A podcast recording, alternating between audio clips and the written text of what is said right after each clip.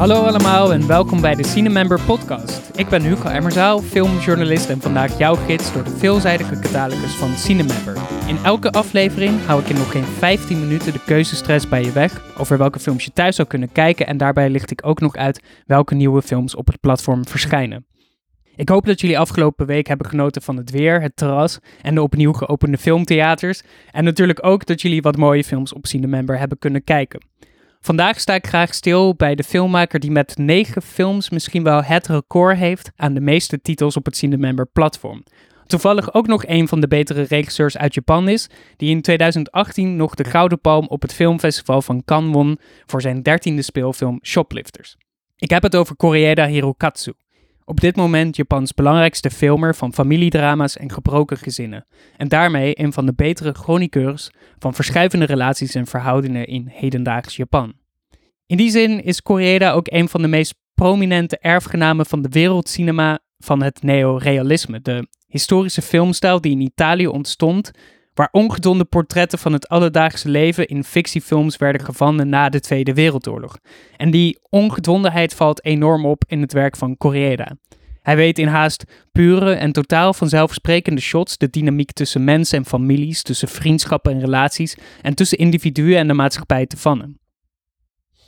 Shoplifters is er mede dankzij die gouden palm misschien wel het bekendste voorbeeld van. En ergens is dit ook wel de ultieme Koreeda. Een subtiele, gelaagde en ontroerende film over een familie die niet gebonden is door bloed, maar door economische en maatschappelijke omstandigheden.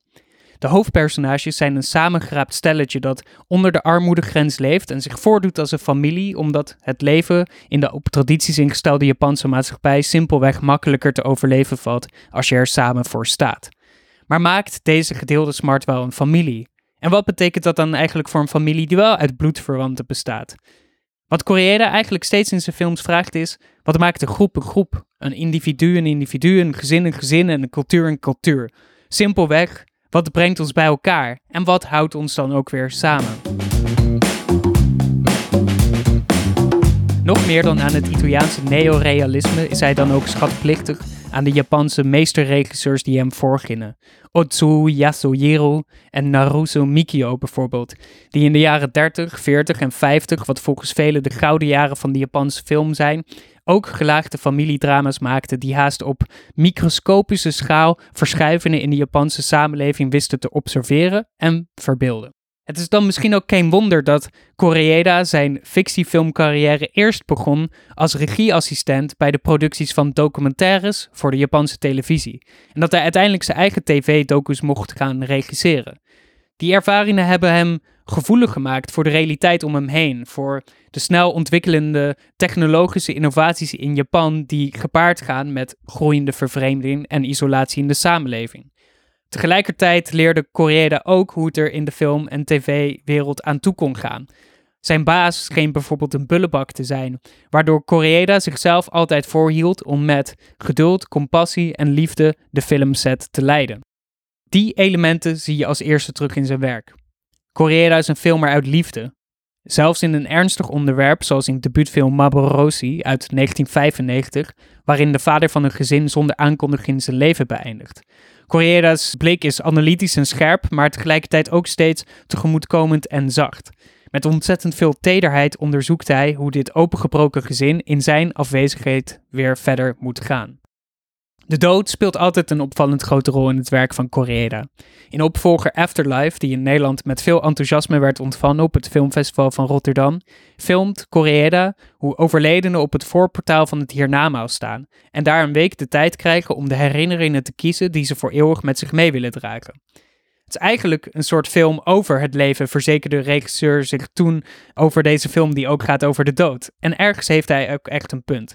Afterlife gaat over de daad van herinneren, over terugblikken op een leven en vasthouden wat belangrijk voor je was.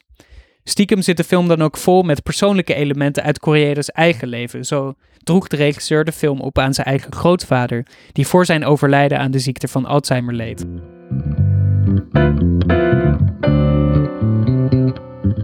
Film is natuurlijk ook het vasthouden aan herinneringen. Iets wat Koreeda stevast doet door stukjes van zijn eigen leven in zijn films te verwerken.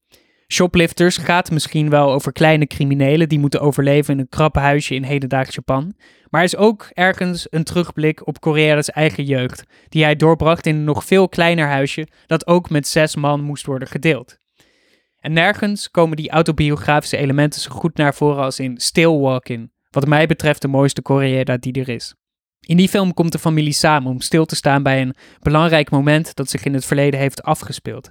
En wat de film pas gaandeweg gaat onthullen. Maar zonder te weten wat het is, voel je al dat dit moment stond voor verlies, afscheid, loslaten, spijt, schuld. En voel je dat dit samenkomen ergens een pijnlijke, maar ook noodzakelijke poging is om opnieuw de scherven van een gebroken gezin vast te lijmen. Het is de film waarin Corriera voor het eerst echt heel diep inzoomt op zijn eigen leven. En de mensen die hij zelf is verloren en de kinderen die hij ook zelf heeft gekregen. Hij is dan een kind van ouders die er niet meer zijn en een vader van kinderen die zich moeten vormen tot de volwassen mensen die ze zullen worden. met dit unieke bewustzijn stort hij zich met totale overgave in dat moment en in die complexe relaties, de banden en dynamieken die een familie karakteriseren. Zijn films worden dan eigenlijk een soort intergenerationele drama's waarin jong en oud een even grote rol mogen spelen. Vervolgens zet hij natuurlijk weer al die verbanden op scherp. Like Father, Like Son is een briljant drama dat inzoomt op het bekende debat van nature versus nurture door uit te pluizen in hoeverre geadopteerde kinderen op hun biologische ouders lijken. En After the Storm en Our Little Sister vormen een prachtig tweeluik van films die reflecteren op gescheiden ouders en op de nasleep van een gezin dat uit elkaar gaat. En ik noem dat wel een tweeluik, maar tegelijkertijd wil ik benoemen dat het grootste plezier van het werk van Correa kijken is dat al zijn films zo prachtig op elkaar aansluiten en in elkaar klikken. Als er één regisseur is waarvan je alle films wilt zien, omdat ze eigenlijk een soort familieleden bij elkaar worden en een groter geheel vormen dan dat ze zelf zijn, dan is het wel bij Koreeda. Wat helpt is dat hij vaak ook werkt met dezelfde acteurs, waar je, verloop van, waar je na verloop van tijd zelf ook een soort innige band mee lijkt te krijgen. En dat Corriere ook een bijzonder stijlvaste en consistente regisseur is, die zelfs in zijn subtiele en totaal niet schreeuwerige beelden een zekere signatuur heeft gevonden. De vreemdste eend in de bijt is misschien wel The Third Murder, een juridisch crimidrama. Maar zelfs voor de doorgewinterde Corriere-kijker zijn er dan nog voldoende herkenbare elementen om in terug te zien. En zelfs Corriere's Franstalige film La Vérité, die een paar jaar geleden op het filmfestival van Venetië draaide met Catherine Deneuve en Juliette Binoche in de hoofdrol, sluit naadloos aan op de rest van Corriere's oeuvre. Inmiddels staat trouwens de Japanse regisseur in Zuid-Korea op de set om met onder andere het creatieve team van Oscar-winnaar Bong Joon-ho een nieuwe film op te nemen, wat ongetwijfeld weer een nieuwe parel gaat opleveren. Vergeef me vooral voor deze flinke rits aan titels die voorbij zijn gekomen, maar vertrouw me ook dat je gewoon elke Koreeda die je nog niet hebt gezien simpelweg kan opzetten voor een onvergetelijke filmervaring. Voordat ik nu deze aflevering afsluit, wil ik nog even stilstaan bij de nieuwe titels die ook op het platform verschijnen, waarvan er toevallig ook één uit Japan komt. Oh Lucy van Atsuko Hiranayagi is een Japans-Amerikaanse dramafilm over een jonge, verveelde Japanse vrouw die dankzij haar Engels docent getransformeerd wordt tot een westers persoon die als Lucy door het leven gaat.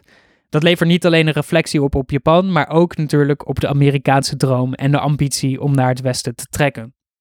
Chanson Douce is een verfilming van de succesroman van Leila Slimani. Is ook een suspensvolle en claustrofobische drama over een oppas die misschien wel te goed is in haar werk. En A United Kingdom is een biografiefilm over het verboden huwelijk tussen Seretse Kama, de prins van Botswana, en de Londense kantoorbediende Ruth Williams in een tijd dat de apartheid net is ingevoerd. Dat waren de nieuwe titels voor vandaag en dat was mijn korte ode en spotlight voor Hirokatsu Koreeda. Volgende week ben ik er weer om andere films van Cinemember uit te luchten. In de tussentijd op zoek naar meer filmtips, ga dan naar cinemember.nl of cinemember.be. Daar vind je een actueel overzicht van de nieuwste films en dus ook altijd van de films die ik hier in de podcast bespreek. En op de ontdekken pagina kan je daar natuurlijk ook gelijk je eigen filmselecties maken. Ik wens jullie in de tussentijd alvast veel kijkplezier toe. Voor nu dus bedankt voor het luisteren en tot volgende week.